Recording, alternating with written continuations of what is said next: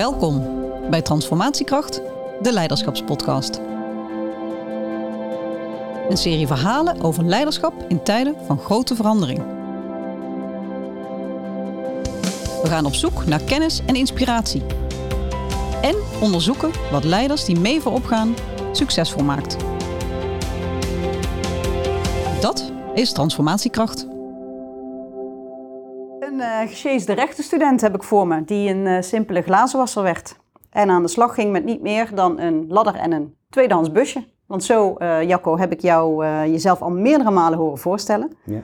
Maar wat we ook van jou kunnen zeggen is dat je een succesvolle ondernemer bent... die een eenmanszaak uitbouwde tot een bedrijf van meer dan 2300 mensen. en daar in de regio Zwolle ooit ondernemer van het jaar mee werd. Of dat je een netwerker bent, puur zang zou ik willen zeggen, en die opkomt nu voor de belangen van veel ondernemers. En ook nog een vader van een echte tweeling en een groot voetbalfan. Vandaag de gast in Transformatiekracht, de Leiderschapspodcast. De, mag ik wel zeggen, zeer inspirerende voorzitter van MKB Nederland, Jacco Vonhoff. Zullen we het hierbij laten? Welkom. dat is een hele leuke introductie, dankjewel. Ja, Leuk om er te zijn. Heel veel rollen. Dus wat ik natuurlijk meteen wil weten is, um, welke rol ben je nu echt? kan ook nog zeggen, je zit in de SER, uh, je geeft lezingen, je hebt veel talenten, veel hobby's. Pax komt altijd naar voren, maar uh, wie ben je, de glazenwasser of uh, de voorzitter van MKB Nederland? Oh, als ik moet kiezen tussen ehm, die twee, dan denk ik dat ik nog altijd de glazenwasser ben. Ehm, maar wel een glazenwasser die de voorzitter van MKB Nederland is geworden. Maar eh, als ik heel, heel dicht bij mezelf blijf, eh, dan ja, dan, nou ja, nee, dan ben ik nog steeds gewoon die omhooggevallen glazenwasser. En hoe word je van een omhooggevallen glazenwasser uh, voorzitter van uh, een van de grootste koepel- of brancheorganisaties? Ja, ik, ja, dat, nou ja, die vraag die is mij vaker gesteld. Uh, omdat, het, omdat je daarmee de verwachting uitspreekt dat er een soort van plan zou zijn. Hè, van, dat je stappen maakt. Heel veel mensen, en daar ben ik best wel eens jaloers op, die hebben een carrière Die kiezen ook hun, hun, uh, hun vervolgstappen. En, uh, en bij mij is ja, het is me eigenlijk allemaal een beetje overkomen, zou je kunnen zeggen. Um, dus ik had op een gegeven moment, uh, toen ik begon met dat bedrijf, wel het idee van, nou, ik wil zelfstandig zijn, vrij. Dat was eigenlijk de, de belangrijkste motivatie. Um, en gaandeweg kreeg ik ook wel in de gaten dat als ik, nou ja, wat meer stabiliteit wilde, dat ik ook mensen in dienst moest nemen omdat ik het in mijn eentje nou ja, niet de rest van mijn leven zou volhouden. Um, maar ja, wat dan de omvang van het bedrijf moest worden, wist ik eigenlijk niet. Dus ik groeide eigenlijk een beetje, ja, het, het ging organisch. Maar ik had niet een plan. Um, maar kwam op een dag tot de conclusie dat het bedrijf zo groot was geworden dat er iets heel bijzonders was gebeurd. Ik voelde me niet meer vrij. dus het, het, het, werk, want zo voelde het ook. Ik, ik ging na het werk. S ochtends vond ik het lastig. Want ik moest naar een kantoor en een bureau met heel veel papieren. En over het algemeen, elk blaadje was een probleem. En toen dacht ik van ja, maar dit was helemaal niet wat ik wilde. Ik word hier niet zo blij van. En uh, nou, toen heb ik allerlei keuzes gemaakt. Uh, de belangrijkste achteraf gezien is dat ik voor mezelf vaststelde dat ik eigenlijk geen manager ben. Dat ik het leiden van een bedrijf helemaal niet leuk vind. Uh, dus dat er iemand moest komen die dat wel leuk vond en die dit kon. en dat was eigenlijk voor mij het moment dat ik mezelf demotie heb verleend. Dus ik heb me uit de top van het bedrijf verwijderd. Heel verstandige keuze. Ben natuurlijk nog wel doorgegaan met het bouwen aan dat bedrijf en het bleef maar groeien. Maar vooral door dat andere leiderschap. Hè. Iemand die de boel ook een beetje structuur gaf. Ja, en op een gegeven moment was het zo groot dat ze eigenlijk helemaal niet meer zoveel behoefte aan mij hadden. En um, toen ging ik dus maar andere dingen doen. Dus wat ik eerst een beetje vanuit hobby deed. Ik deed wat belangenbehartiging. Ik werd uh, uh, ik werd bestuurslid in mijn eigen branche, dat vond ik leuk. Ik wilde weten hoe die andere bedrijven het deden. Toen werd ik CAO-onderhandelaar. Nou, dat vond ik fantastisch. Gewoon, uh, zeg maar, uh, nou, gestileerd oorlogsvoeren aan een tafel met, met, met de vakbonden. Maar wel kijken of je op inhoud elkaar kon vinden. Daar hebben we ontzettend veel van geleerd. Ja, en dan, ik vond dat zo leuk. Dat, toen vroegen ze me of ik voorzitter wilde worden van een regionale belangenbehartig clubje. Toen werd ik voorzitter van uh, een van de, van de zusterorganisaties van VNO. Een regionale uh, club van VNO, VNO Midden. Ja, en ik denk dat daardoor, hè, want toen kwam ik wat vaker in Den Haag en in de Malitoren, dat men mij heeft gezien. Zo moet ik het maar, ja, dat is maar wat, wat ik ervan maak. Want op een dag werd ik gebeld met de vraag: eh, of, of ik het leuk zou vinden om voorzitter van MKB Nederland te worden. Maar die, ja, weet je, het was nog niet in me opgekomen, maar was nog zo. Mhm. Maar ja, andere eigenschap van mij is dat nee zeggen is ongeveer, vind ik, het allermoeilijkste wat er is. Eh, dus ja, dan zeg je vaak ja. Eh, en ik ben een man en ik weet dat mannen over het algemeen helemaal niet heel erg goed nadenken over of ze iets überhaupt kunnen. Of, eh, dus ik, Want ik- die denken altijd, dat, dat kunnen wij natuurlijk wel. ja, dat wordt wel eens gezegd. Hè. Ik weet, het is ook een beetje natuurlijk, een beetje typisch. Maar ja, mannen hebben de neiging om, om ja te zeggen van ja, maar ik kan dat wel. Eh, en eh, het is eigenlijk wel vrijwel logisch. Anders hadden ze me toch niet gevraagd. Eh, en ik denk dat vrouwen over het algemeen, en ik wil niet te veel stereotyperen, maar vrouwen over het algemeen denken van kan ik dat eigenlijk wel? Wat moet ik daar allemaal voor kunnen? Eh, en zijn er geen anderen die dat beter kunnen? Eh, nou ja, eh, maar ik ben dus, in dat soort dingen ben ik een echte man. Dus ik zeg, eigenlijk zeg ik al vaak ja voordat ik mezelf, voordat ik goed en wel weet waar ik ja tegen zeg. Nou, in dit geval, eh, achteraf gezien, kwam het wel goed. Precies. En nu zit je toch weer, waar je net van zei, dat wil ik eigenlijk niet, in een kantoor en ga je naar je werk. Met heel Wel veel stukken. Ja. heel veel stukken. Maar een supermooi kantoor, kan ik wel zeggen. Wij zitten op 13 hoog in de Malitoren over de stad Den Haag uit te kijken. Het is een beetje grijs, maar eh, dat mag de pret niet drukken. Je hebt een mooi kantoor uitgekozen, dus jij komt eh, inmiddels in je functie op voor de belang van heel veel ondernemers. Ja. Wat is de, wat, wat, eh, hoe moeilijk is het in deze tijden om ondernemer te zijn? Nou, eh, kijk, eh, of, of het moeilijk is om ondernemer te zijn, dat weet ik niet. De ondernemers, eh, ik zeg niet dat het een apart slag mensen is. Hè. Het zijn gewoon mensen en je vindt ze overal. Hè. Je vindt ze over de hele politieke bandbreedte. Je vindt ze overal in de samenleving. Ze zijn er van heel groot tot heel klein. Maar ondernemers eh, kenmerken zich wel door, nou, laat ik maar zeggen, misschien wel die can-do-houding die ik net beschreef. Hè. Dus gewoon ja zeggen tegen een uitdaging en er gewoon voor gaan. Het zijn hele positieve mensen. Ehm, dus, dus zeg maar, in die grondhouding van ondernemers zit het niet. Maar in deze tijden, en dat vind ik wel zorgelijk, hè, de- ehm, is het wel zo dat steeds meer ondernemers aan mij teruggeven. We hebben onlangs nog een enquête gedaan onder heel veel ondernemers. En als je daar, de afdronk daarvan is dat heel veel ondernemers eigenlijk het ondernemerschap niet meer zo leuk vinden. Ja, dat, is, dat vind ik, hè, dus of het gaat om moeilijk, ondernemers met moeilijke uitdagingen, ja, weet je, daar gaan ze voor. Dat is gewoon, hè, weet je, dan gaan we gewoon de hele dag mee aan de slag. Maar je moet er wel lol in hebben. Net als dat ik op een dag geen lol meer had in mijn werk, eh, denk ik dat heel veel ondernemers zich op dit moment afvragen: is het nog wel leuk om te ondernemen in Nederland? En dat, dat vind ik wel zorgelijk. Ja, precies dat. Ik doelde daar eigenlijk ook op, want er gebeurt vrij veel eh, in ons land, maar ook in de wereld. Dus deze podcast gaat over transformatie en het leiderschap wat daarin eh, nodig is. Ehm, dus ik dacht, ik wil met jou toch eens even inzoomen op welke transformaties of welke veranderingen komen er allemaal op één zo'n kleine MKB-ondernemer of een middelgrote MKB-ondernemer af. Ehm, nou, wat hebben ze daar dus allemaal te doen? En om vervolgens nog even door te gaan op wat moet je meebrengen als leider. En jij ook vooral als leider, wat kunnen we daarvan leren? Als je voorop wil gaan in die transformaties. Maar ehm, je zei het eigenlijk al, de- vinden ondernemers het nog leuk? Zij moeten, of wij moeten als land ehm, allerlei best grote uitdagingen het hoofd bieden. We hadden eerst een pandemie. Die komt, eh, daar moet een, een kleine ondernemer ook maar mee dealen. Krapte op de arbeidsmarkt, inflatie, veel hogere eisen aan eh, verduurzaming. eh, de nodige investeringen voor ehm, digitalisering of innovatie. Nou, dat waren de dingen die, ehm, die bij mij zo'n beetje opkwamen. Maar al die dingen die komen in één bedrijf, bij jou als schoonmaakbedrijf, komen die allemaal samen. Ja. En dan, nou, dan moet je er eh, chocola van maken. Ja, en dat, zeker als je het zo opsomt, dan is dat best veel. Vooral omdat veel van die, nou, laten we zeggen, transities, ehm, en, transities eh, gaan soms organisch. Gewoon omdat de wereld verandert. En soms ook omdat we met z'n allen eh, ehm, nou ja, een, een, een toekomst zien waar we ons zorgen over maken. En er dus beleid wordt gemaakt door de overheid om ons met z'n allen de goede kant op te drukken. Maar voor een individuele ondernemer is dat lang niet altijd helder. Van waarom moet ik nu doen wat ik moet doen? Eh, ik heb mijn uitdagingen vandaag. Eh, ik roep in Den Haag heel vaak: jongens, jullie hebben het continu over 2030. En in Den Haag in het jargon betekent 2030 2030. Maar voor mijn ondernemer is het 2030 half negen vanavond. Eh, dus voordat je toe bent aan eh, zeg maar je denkkracht inzetten om nou ja, je toekomst uit te stippelen voorbij overmorgen. Ja, daar heb je even rust en tijd voor nodig. En veel van die ondernemers zitten gewoon in hun dagelijkse werk. Moeten hun zieke medewerker vervangen, willen een nieuwe klant bedienen, moeten de administratie nog doen. En moeten dan ook nog een beetje op de hoogte zien te blijven van, oké, maar waar gaan we als samenleving of waar gaan we met onze economie naartoe? Ja, en die transities, ja, dat zijn hele grote transities. Ik, ik heb eigenlijk, uh, ik, ik beperk het altijd maar tot drie, omdat heel veel van de andere onderwerpen, of het nou corona is, dat overkomt ons. Geopolitieke spanningen. Natuurlijk vinden we daar wat van, moeten we wat mee. Uh, en de gevolgen daarvan hebben we heel veel last van. Hè? Uh, zeker nu in de Oekraïne dat opspeelt. Uh, maar daaromheen speelt natuurlijk veel meer. Maar grondstoffen die stijgen, ehm, de, dus energieprijzen die stijgen, de inflatie die daar achterweg komt.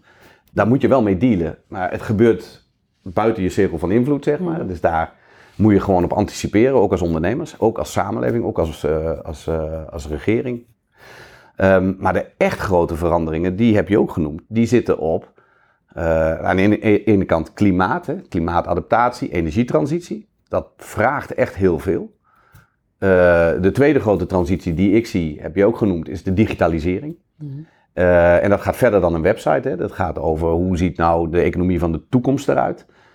wat heb je nodig aan de voorwaarden, voorwaarden scheppende kant. Hè. Dus welke infrastructuur hoort daarbij. Maar vooral, hoe leid je je mensen op in die andere wereld? Hoe zorg je ervoor dat iedereen dan nog mee kan doen?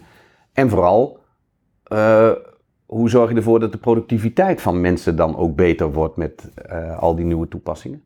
En dat zou ook heel verstandig zijn, omdat de derde grote transitie is de transitie die al aan de gang is op de arbeidsmarkt. Mm -hmm. uh, dat is er eentje waar we misschien, nou ja, we zouden er invloed op uit kunnen oefenen door onze bevolking harder te laten groeien. maar dat vraagt, hè, daar zit ook nog heel veel discussie onder. Maar per saldo zie je dat, hoewel onze bevolking nog wel groeit, um, er een groot deel van onze uh, bevolking ook vergrijst. Er komen minder jonge mensen bij. Dus je ziet dat die, dat die beroepsbevolking niet heel veel groter wordt. De uitdagingen die we met elkaar hebben als het gaat om zorg. Hè, als veel meer mensen ouder worden, hebben veel meer mensen zorg nodig. Uh, maar ook op andere dingen die we belangrijk vinden. Je ziet het nu bij defensie, enorme tekorten. Want ja, veiligheid heeft in één keer weer een andere lading gekregen in de wereld, maar ook in Nederland. Nou, zo kun je nog wel even doorgaan. Iedereen heeft tekorten, het onderwijs. En natuurlijk ook in de markt. We willen een energietransitie, de eerste die ik noemde. Maar ja, je hebt wel handen, mensen nodig die zonnepanelen aanleggen of uh, warmtepompen of uh, zorgen dat uh, er überhaupt een stroomnet is waar je nog op aan kan sluiten. Nou, dus dat zijn wat mij betreft de drie hele grote transities. waar we met z'n allen voor staan en waar ondernemers in ieder geval duidelijkheid nodig hebben van een, van een kabinet, van, van hè, onze regering. Als het gaat om, oké, okay, maar hoe gaan we dat dan doen? Mm-hmm. gaan we, hoe, hoe, en wat kan ik daar zelf aan doen? Dus wat kan, wat kan ik nu doen om ervoor te zorgen dat ik op termijn klaar ben voor die, ja, die wereld die jullie, uh, die jullie voor je zien? Um, nou, voor een deel maakbaar heb ik net al aangegeven en voor een deel natuurlijk ook niet. Mm-hmm. Ja, en dat, ja, dat vraagt van een MKB-ondernemer heel veel. Voor mij als schoonmaakondernemer vraagt dat Dus als ik naar mijn eigen bedrijf kijk, uh, speelt met name die digitalisering en die arbeidsmarkt zijn de grote onderwerpen. Um, ja, uh, op dit moment in mijn bedrijf hebben we zo'n 200 openstaande vacatures. Dus we hebben structureel tekorten nu al op de arbeidsmarkt. Dat zien we ook. Um, maar ja, uh, heel veel van de mensen die bij mij in de schoonmaak, en er zijn wel meer beroepen waar mensen um, heel veel parttime werken. Ja, op het moment dat ik die mensen vraag, zou je meer willen werken? Maar ze vertellen mij, ja, dat vind ik best een goed idee. Maar als ik meer werk, hou ik niet meer over, want ik raak toeslagen kwijt, de belastingdruk wordt hoger, weet ik veel. Ja, dus, dus, op het moment dat wij aan de ene kant zien dat er enorme tekorten zijn en aan de andere kant uh, niet de mogelijkheid zien om mensen meer te laten werken, als ze dat willen, hè, want het is een vrije keuze. Mm -hmm. Ja, dan heb je dus systemisch hele grote fouten gemaakt. Dan moeten we nu aan werken. Willen we in 2040 ook nog steeds een, uh, een beroepsbevolking hebben die uh, de rest van de bevolking zeg maar, kan bedienen? Precies, en dat is iets waar jij onder andere in Den Haag hard voor maakt. Misschien ook lastenverlichting voor bedrijven, zodat ze die investeringen kunnen doen die nodig zijn, maar ook uh, die perverse prikkels of zo eruit ja. krijgen om mensen te stimuleren om meer te gaan werken. Ja, ja, je ziet, hè, dus elk, elk onderwerp heeft ook weer aparte uh, ministeries in dit, in dit prachtige Den Haag. Maar, maar als je het even weer naar die sociale agenda die mij, uh, nou ja, niet het meeste boeit, dat is onzin. Maar ik heb nou eenmaal een schoonmaakbedrijf met heel veel mensen die over het algemeen, hè, met eh, woorden worden eh, eh, eh, uitgedrukt als eh, basis van de arbeidsmarkt of onderaan de sociaal-maatschappelijke ladder. Eh, je moet ook heel erg, hè, tegenwoordig kun je met taal eigenlijk niks meer zeggen, want je mag woorden eh, als hoog en laag niet meer gebruiken. Eh, maar als je, door je, als je gewoon even je ogen dicht doet en je denkt aan een gemiddelde schoonmaker in je hoofd, dan heb je wel ongeveer in de gaten ehm, welke mensen dat zijn. Het zijn hele goede mensen. Ik ben ze ongelooflijk dankbaar. Ik ben ze ook schatplichtig, hè, want ze werken echt elke dag keihard. Dankzij hen heb ik een prachtig bedrijf. Maar het zijn mensen die hebben wel wat nodig van ons. En in, als ik dan, zeg maar, omdat ik dat zo'n belangrijk onderwerp vind, om te zorgen dat die mensen een leefbaar inkomen hebben. En dat het ook loont om te werken. Dat, dat ze er ook blij van worden. Ehm, ja, dan is dat wel een van de thema's die mij het meest bezighoudt. En dat betekent dat ik veel ook met die sociale agenda bezig ben. Dus met het ministerie van Sociale Zaken, bijvoorbeeld over de arbeidsmarktvragen vraag, vragen die er liggen.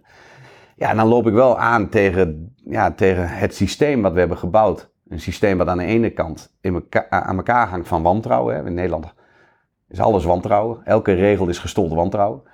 Uh, en aan de andere kant ook eigenlijk heel weinig ruimte biedt voor die vernieuwing op die arbeidsmarkt en de vragen van mensen. Uh, en werkgevers zien dat ook, hè? dus die willen natuurlijk graag hun mensen beter belonen, ook in deze moeilijke tijden.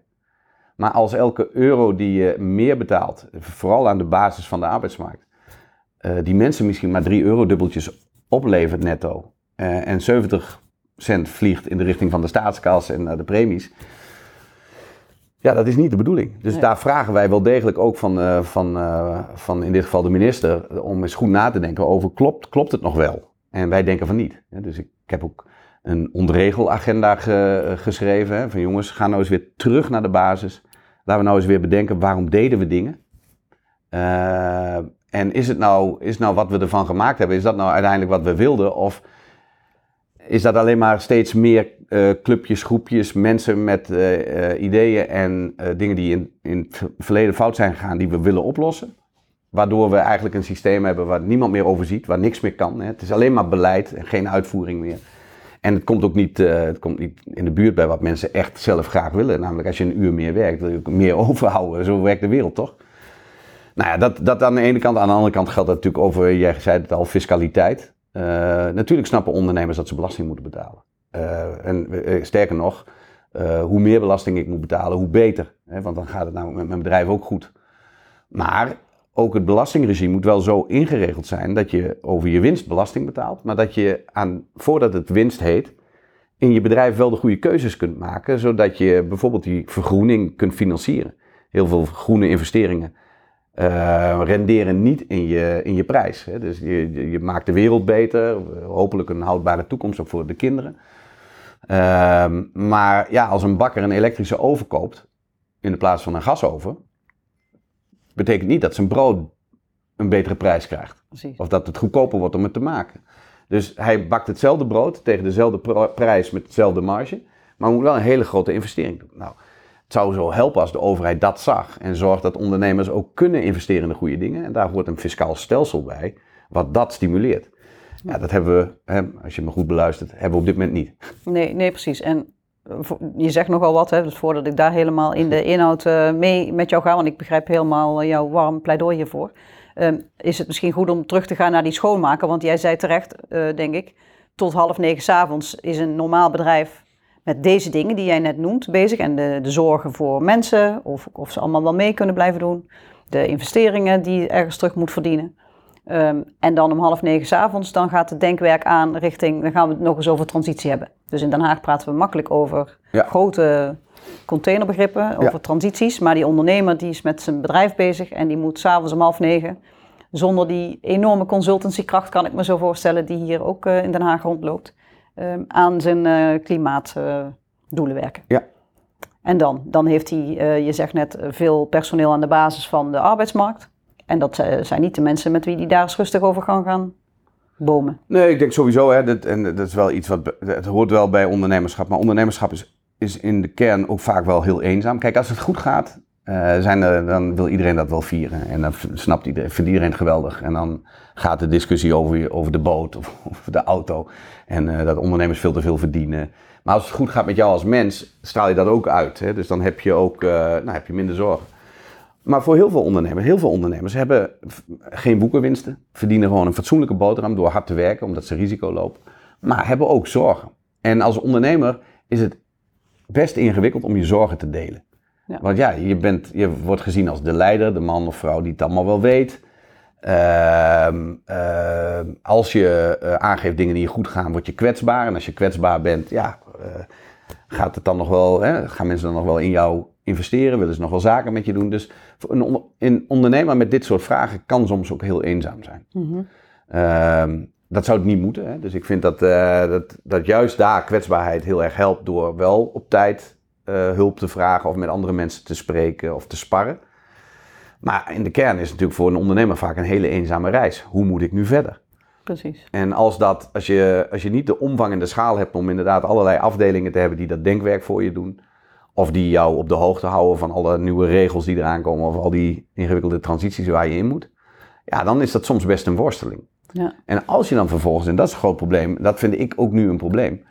Hè, ik heb aan de ene kant gezegd ontregelen. Dus dingen weer eenvoudiger maken. Maar aan de andere kant een overheid die eigenlijk alleen nog maar bezig is met beleid te maken, meer beleid te maken, maar zich nauwelijks meer druk maakt om de uitvoering, sterker nog, heel vaak ook vastloopt in zijn eigen uitvoering, omdat ze daar de capaciteit niet meer hebben, maakt het voor een ondernemer natuurlijk heel ingewikkeld. Want als het signaal is, je moet met je productieproces vergroenen of verduurzamen, want dat vinden we belangrijk en dat vinden we belangrijk. Ja, hoe zit het dan? Kan ik dan wel stroom in mijn pand krijgen? Kan ik mijn pand eigenlijk op deze locatie wel uitbreiden? is er wel financiering beschikbaar voor zo'n groene verandering die eigenlijk geen extra marge oplevert. Banken kijken natuurlijk ook gewoon naar, valt er wat te verdienen. Um, hè, dus, dus als de voorwaarden waaronder je die keuzes kunt maken er eigenlijk niet zijn of onduidelijk zijn, ja, dan gaan ondernemers natuurlijk, als ze s'avonds om half negen op de bank zitten, op hun handen zitten. Ja. Want dan kun je er wel over nadenken, maar het niet, het niet kunt doen of ja, en dat, dat vind ik uh, wel heel zorgelijk. Ja, hebben jullie daar als MKB Nederland een rol in om dan aan informatievoorziening te, te ja. doen? Ja, ja, dat is wel een van onze belangrijke rollen. Hè. We worden veel gezien natuurlijk als een soort lobbymachine. Uh, uh, proberen om invloed uit te oefenen op die Haagse vierkante kilometer. dat is een deel van ons werk. Aan de andere kant hebben we natuurlijk hier zo'n 140 branches aangesloten, waar 220.000 bedrijven lid zijn. En wat we heel veel doen is vaak ook uh, in samenspraak met de overheid als het gaat om dit soort ingewikkelde onderwerpen, maar soms ook standalone. Uh, informatie maken voor onze branches, die zij vervolgens met hun leden, met de ondernemers, de echte ondernemers, kunnen delen. Om Omdat, ze... uh, er zit enorme diversiteit in branches. Ja. Misschien kun je daar nog eens iets over zeggen? Nou ja, die, kijk, die 140 branches, dat, dat, eh, ik, ik zeg altijd, ik heb 140 leden, dat valt eigenlijk nog wel mee. Hè? maar het zijn wel 140 heel verschillende leden. Die, dat MKB ja, is natuurlijk net zo divers als de hele samenleving. Dus dat is van, uh, ik maak altijd het, het, grapje, dat is van de ballonvader tot en met de begrafenisondernemer. En ik wil niemand, uh, ik wil niemand wat aandoen, maar je snapt dat een begrafenisondernemer een ander, uh, een ander idee heeft bij het succes van de vaart als de ballonvader zelf. En dat is, hè, dat is een grapje, maar feitelijk is het natuurlijk wel zo dat in dat hele brede spel van metaalbedrijven, horecabedrijven, winkels, uh, uh, uh, kleine industrie, ja, noem het allemaal op, mm. belastingadviseurs. Ze, ze, ze, horen er allemaal bij, maar ze hebben niet per se allemaal hetzelfde belang. Ehm, dus het is in zo'n vereniging natuurlijk altijd wel zoeken naar wat is ons gezamenlijk belang. Maar dat is wel de kracht van een vereniging. Hè. Ik vind het ook altijd een van de dingen, als ik nu naar Den Haag kijk, is dat ook het grote probleem, denk ik, van wat we vroeger de middenpartijen noemden, of de brede partijen. Um, in het verleden was een kiezer op zoek naar welke partij uh, behartigt de, meeste van mijn belangen, maar nooit allemaal. Uh, en, dat, en, en, en die traditie van, nou ja, weet je, je moet altijd je weet dat als je als je, uh, je persoonlijke situatie neemt, dat die nooit helemaal past in wat een ander van de wereld vindt. Ook niet een partij, ook niet een brancheorganisatie. Um, maar je kiest voor de grootste gemene deler. Daar voel ik mij thuis. Daar, daar zit het meeste van mijn denken, vind ik daarin terug. Mm. En tegenwoordig zie je in de politiek dat mensen juist heel erg gaan voor dat ene ding wat ze het allerbelangrijkste vinden. He, dus één onderwerp, één uh, ja, mening wil ik niet zeggen, maar, maar, maar één voor mij meest belangrijke uh, dossier wat er is, daar ga ik op kiezen. En dan zie je dus ook in de politiek dat er die brede partijen die heel veel belangen behartigen van heel veel mensen, maar nooit alles, wordt ingewisseld voor partijen waar vaak één belang voorop staat, waar jij je wel in herkent, omdat dat voor jou het allerbelangrijkste is. Maar je weet eigenlijk helemaal niet meer op al die andere onderwerpen die voor jou ook belangrijk zijn, wat zo'n partij nou doet. Dus je krijgt een soort single-issue partijen. Maakt het politieke uh, spel heel ingewikkeld. En het voordeel voor uh, een club als MKB Nederland, onze vereniging, en dat is natuurlijk mijn belangrijkste rol, is dat we ondanks diezelfde uh, ontwikkelingen in de samenleving nog wel steeds kunnen gaan voor de grootste gemene delen. vanuitgaand dat 80% van alle onderwerpen over ondernemerschap, die voor ondernemers belangrijk zijn, door ons worden gecoverd. En dat er natuurlijk altijd verschillen zijn, zelfs binnen bijvoorbeeld een branche. In de horeca is het natuurlijk best een groot verschil of jij een bruine kroeg hebt met twee werknemers, of je hebt een hotelketen met 15 hotels en, uh, en 2000 werknemers. Dat zijn natuurlijk verschillende grootte. Um, maar ook die kiezen ervoor om dat gezamenlijke belang voorop te stellen. Nou, dat is wat wij hier doen. En dan is het natuurlijk heel belangrijk om te zorgen dat op onderwerpen zoals de energietransitie, uh, klimaat, uh, arbeidsmarkt, uh, nou ja, onderwijs, op eigenlijk elk onderwerp wel, om informatie te hebben voor die ondernemers, om ze te vertellen, nou, dit is wat, wat er op dit moment speelt, dit is de richting waarin de samenleving, de politiek beweegt, dit is wat wij belangrijk vinden. Nou, en dit, met dit kun je ook zelf aan de slag, want dat, daar gaat het natuurlijk uiteindelijk om, hè, dat die ondernemer ook zelf aan de slag gaat. Ja, en daar helpen we ze heel erg bij. Dat is denk ik wel een hele belangrijke rol die je wat minder ziet aan de buitenkant, maar waar wij als MKB Nederland ons wel heel sterk voor maken. Ja, zeker. Jee, nou, je vertelt hartstikke veel. Ik hoef uh, helemaal niks te vragen. Je bent uh, super bevlogen, maar zo, zo ken ik jou ook. Uh, toch nog even terug naar jouw punt waar, waar ik ook van weet. Naast zeg maar, het betrekken van, van uh, iedereen bij de arbeidsmarkt, iedereen die dat wil bij de arbeidsmarkt, denk ik dat ik jou het meeste hoor over het terugdringen van regeldruk. Ja. Je hebt een ontregelagenda. Kunnen we die ergens vinden? Nee, nou, Kijk, dat is het mooie. Ja, we, we zijn hem nu uh, echt verder aan het uitwerken. Maar ik heb ontregelen. Dat is misschien wel een goede nuance om even aan. Ontregelen is niet hetzelfde als minder regels alleen. He, dus uh, wat wij altijd roepen is: kijk, ondernemers willen aan de ene kant, als je ze bevraagt, minder regels. Maar vaak om zichzelf te beschermen of hun positie te beschermen, willen ze regels. Precies. En, en dat zit in elk mens. Hè? Dus, uh, dat, en dat geeft ook niet. Wat ondernemers eigenlijk zeggen is, we willen goede regels die het goede doen. dus die, die, die, die werken. En daar komt nou mijn bezwaar. Heel veel regels zijn bedoeld om te voorkomen dat slechte dingen niet gebeuren. Met andere woorden, dat slechte mensen geen slechte dingen kunnen doen. Nou, dat is nogal een uitdaging, want dat is namelijk hun werk. Slechte dingen doen. Maar diezelfde regels die dat moeten voorkomen, die zorgen ervoor dat goede mensen geen goede dingen meer kunnen doen.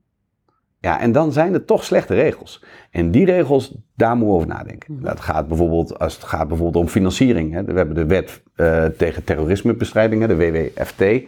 Dus die eigenlijk moet voorkomen dat criminelen geld via de bank uh, witwassen of uh, geld ergens naartoe sturen waar het hele slechte effecten heeft. Nou, dat vind ik op zich, weet je, dat is niet een, een, een naar idee. Hè? Dat willen wij ook. We willen geen criminelen, we willen uh, een veilig land. We willen uh, vooral ook geen terroristen in de, in, in de rest van de wereld.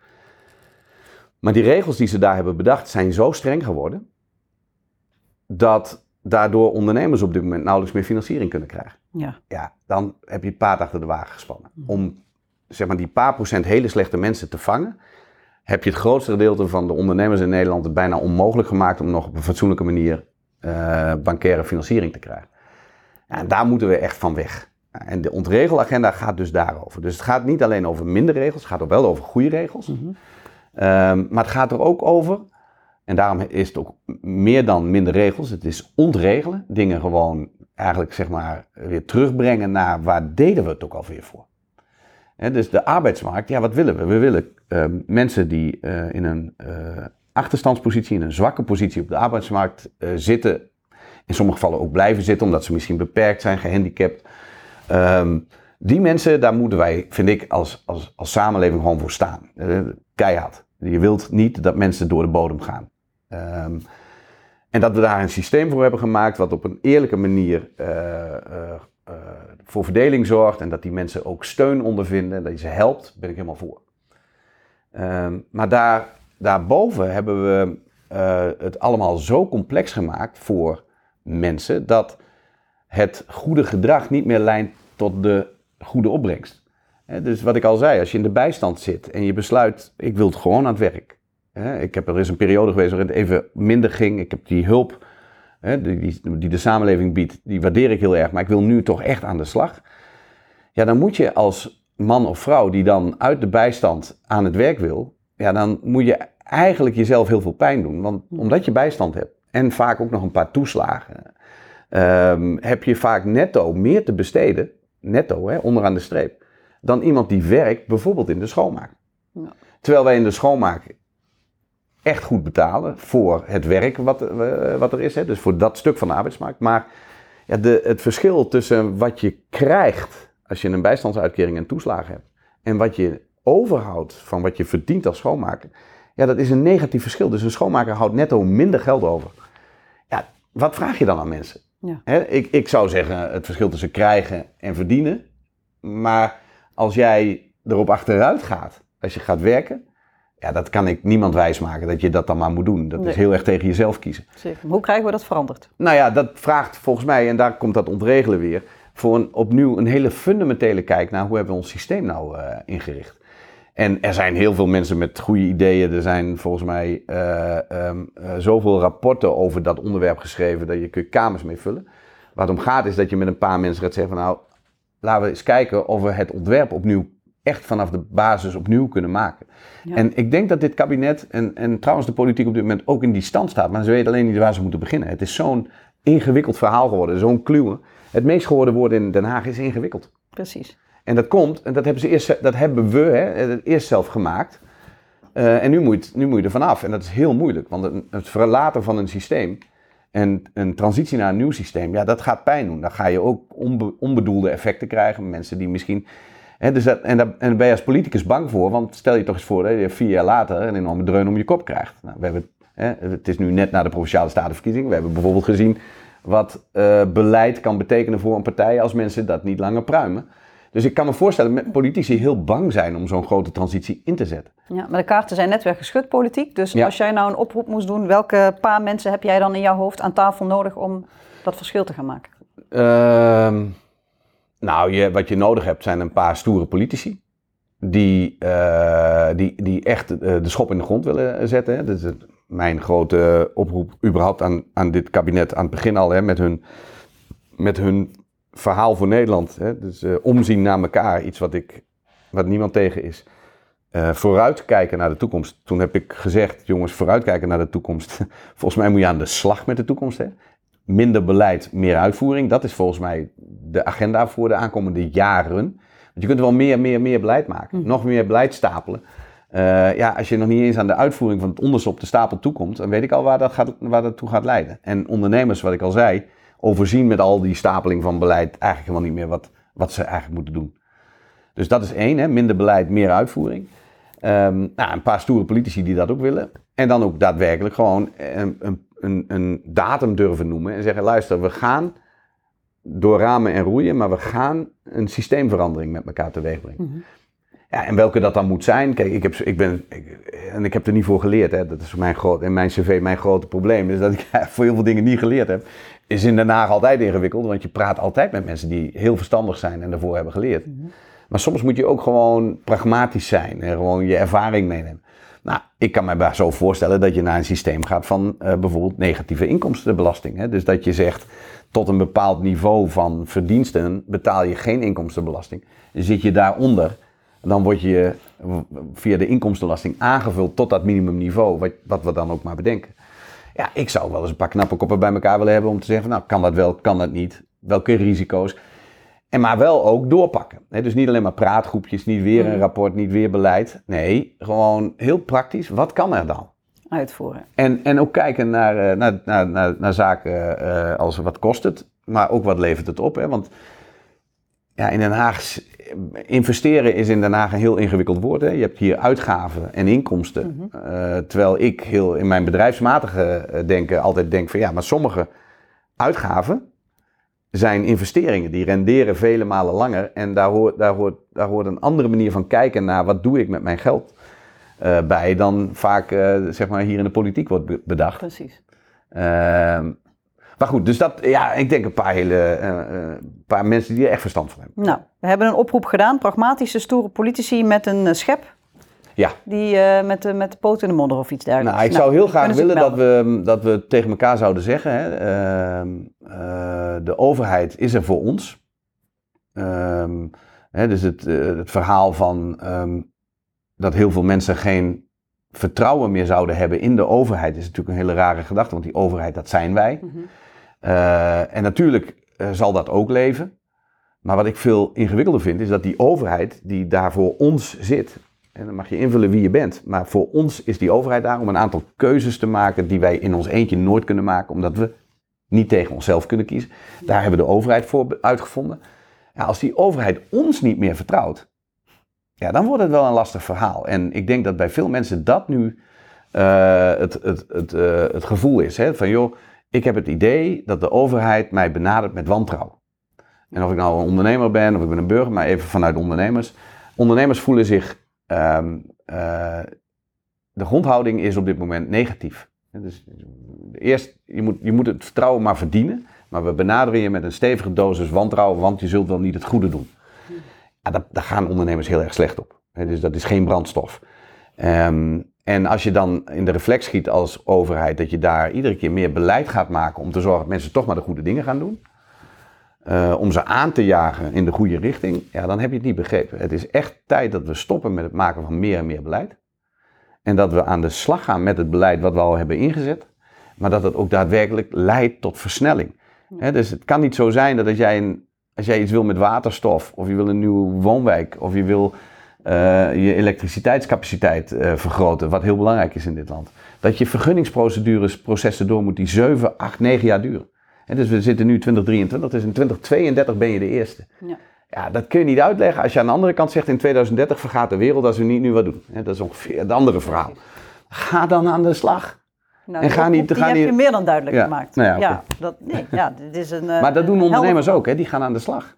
Ja. En soms eh, lopen ze dan kaart tegen een muur op, dat hoort ook bij ondernemers. Hè? Dus dan gaan ze aan de slag, hebben ze misschien net niet lang genoeg over nagedacht. Maar ja, dan, weet je, dan schud je een keer met de kop en dan ga je weer door. Een ondernemer ziet een uitdaging, niet eens een probleem. Hè? Wij denken niet in problemen, Mhm. wij zien uitdagingen.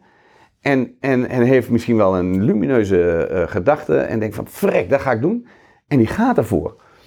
En die wil tempo, actie in de taxi. Ja, dan, en dat is mijn eh, persoonlijke ervaring nog wel hier, is dat ja, ik, ik af en toe ook over mijn eigen grenzen heen moet, omdat ik gewend was en ben om gewoon heel snel tot actie over te gaan. Precies. En als ik hier nu een, eh, een resultaat boek in Den Haag, dan ga ik dat als voorzitter niet meer meemaken. dus dat is best ingewikkeld. Daarover. Jij begon eh, daar straks met een, eh, nou, een mooie generalisatie. Mannen zeggen bijna altijd ja, want nou, als jij gevraagd wordt, dan zal je dat natuurlijk wel hartstikke goed kunnen. Maar ik begin nu, nou, na ongeveer drie kwartier denk ik in dit gesprek toch echt wel te denken dat jij terecht ja hebt gezegd. Ja, Ik begrijp helemaal waarom jij gevraagd bent om op te komen voor de belangen van ondernemers. Ehm, we gaan al een beetje naar het einde van de, van de podcast, dus ik wil nog wel graag weten, ik denk dat luisteraars het inmiddels doorhebben en het voor zichzelf kunnen be- bepalen, maar wat breng jij nou mee als, wat maakt jou nou de ideale voorzitter van MKB Nederland? Waar komt die passie vandaan om... eh, Ik wou net zeggen, want dat ideale, dat, ik denk dat toen, ik, toen ze mij vroegen om voorzitter te worden, toen stond, eh, laten we zeggen, in de verhoudingen het MKB er wat flats bij. Hè? Dat was het gevoel. Men had het idee dat er in Nederland alleen maar naar grote bedrijven, naar eh, internationale concerns werd gekeken. Dat er een agenda was van grote bedrijven. En dat de MKB er eigenlijk maar een beetje bij hing. Ehm, nou, dat gold eigenlijk ook een beetje voor de vereniging. Hè. De vereniging had ook gewoon weer een soort van nieuw elan nodig. Eh, dat was de vraag. Wil je, wil je dat komen doen? En, ehm, dus ik dacht dat ik heel erg met, zeg maar, met mijn vereniging aan de slag moest. Om die 140 leden eh, bij elkaar te houden. Om te zorgen dat we die gezamenlijke eh, agenda eh, weer zouden hebben. En ook weer met kracht naar buiten konden. Nou, dat is gebeurd voor een deel ook door omstandigheden. Corona heeft ongelooflijk geholpen om de positie van, de, van, van het merk Ja. MKB en onze ondernemers om die heel zichtbaar te maken. Iedereen realiseerde zich in één keer dat er veel meer kleinere en middelgrote ondernemers in Nederland zijn dan die paar grote. Hè. 97% van Ja, alle bedrijven is een MKB'er. Mhm. Eh, dus nou, dat, is, dat is zeg maar gelukt. En ik zeg altijd of dat nou dankzij of ondanks mij is. Hè, dat, ik ben, eh, is geen valse bescheidenheid, maar dan kun je altijd afvragen. Het zijn je vrouwelijke kwaliteiten. Ja, nou, er is een boel gebeurd, denk ik, waar ik zelf geen invloed op had omdat het van buiten kwam, maar waar we op moesten reageren. En dat heeft ons wel zichtbaarheid en ook weer wat trots en, uh, uh, opgeleverd.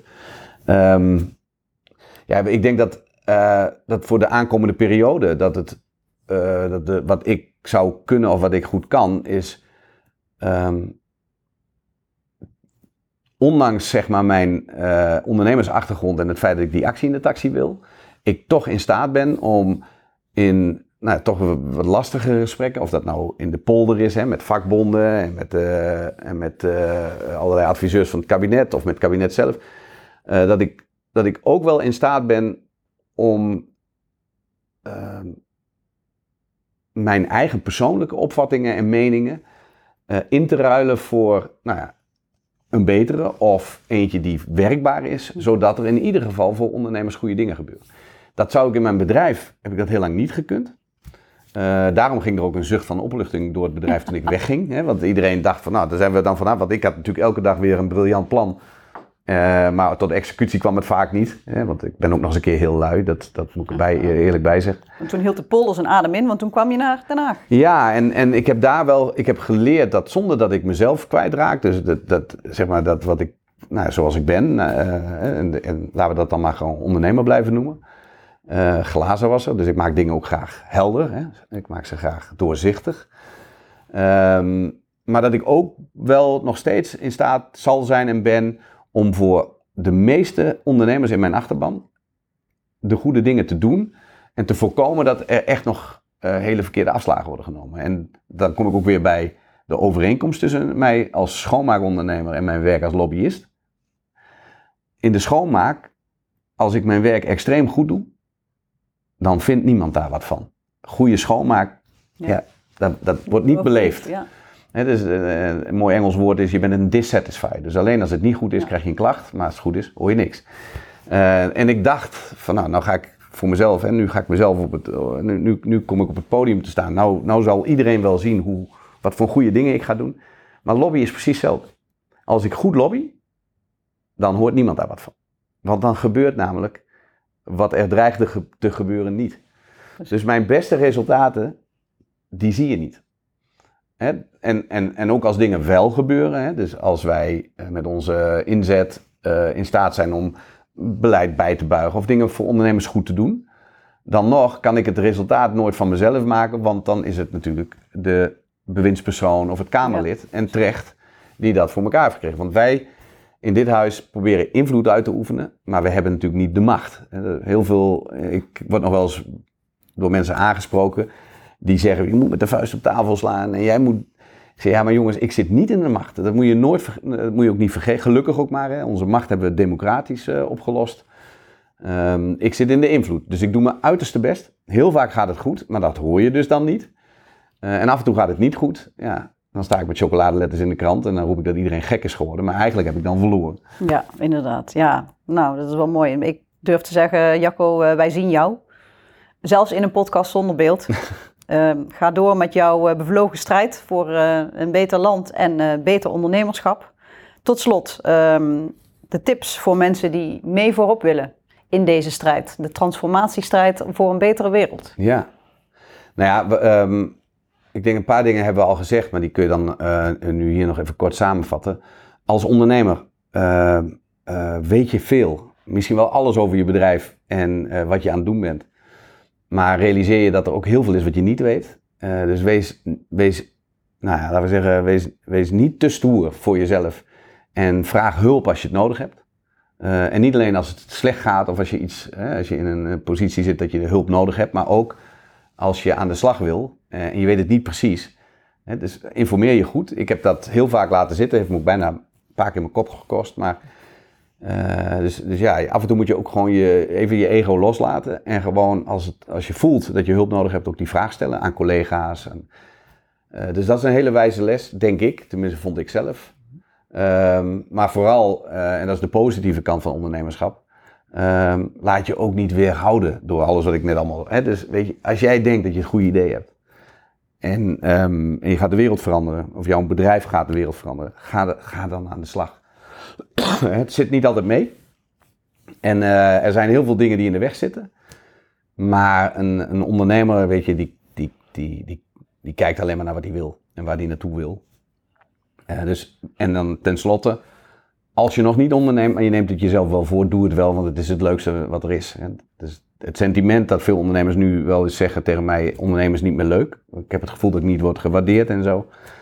Uh, maar per saldo zie ik dat in de samenleving ondernemerschap wel degelijk wordt gewaardeerd. Hè? Want ondernemers zorgen voor, niet alleen maar voor economie en voor geld, maar ook voor banen voor mensen. Ook voor banen voor mensen die het net wat lastiger hebben. Ze, ze pakken de plaatselijke voetbalclub of de kerk of de fanfare. Uh, en die steunen ze. Dus ondernemers worden ongelooflijk gewaardeerd door de samenleving. En ja. Nou, dat, dat zou ik. Dus ga wel ondernemen vooral.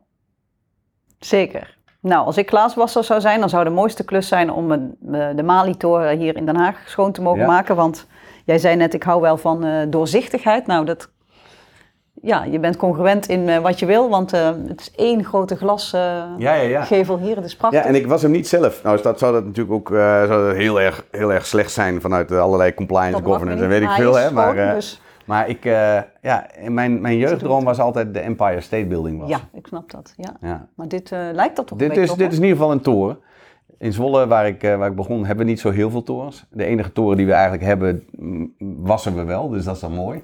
Maar ik niet meer zelf. Dus dat heb ik zelf... nee. ik, ik moet ook eerlijk zeggen dat na al die jaren... waar ik vroeger de Empire State Building wilde wassen... durf ik nu nog nauwelijks op een, op een, op een keukentrapje de, nee, een lamp te vervangen. Want het is wel een vak. Ja, en je wordt, naarmate je ouder wordt en je waarschijnlijk meer te verliezen hebt, vooral toen je, als je eenmaal kinderen krijgt, word je toch voorzichtiger. en op een gegeven moment zelfs een beetje bang. Ja, dat is het probleem met mensen die, uh, die, uh, die iets te verliezen hebben. Dat is wijsheid, denk ik, geen angst per se. Nee. Nee, angst is wel een hele slechte raadgever. Ja. En het voetbalstadion, dat kan ik niet laten. Van Pek Zwolle. Stond ook op jouw klantenlijst, zag ja, ik. Ja, um, ja, dat, ja, dat hebben we. Dat, uh, maar dat gaat ook af en aan. Hè, want ook een club als Pek Zwolle heeft meerdere schoonmaakbedrijven als sponsor. En dat moet ook. Hè, dus, ik, uh, dus daar wil ik ook helemaal geen exclusiviteit.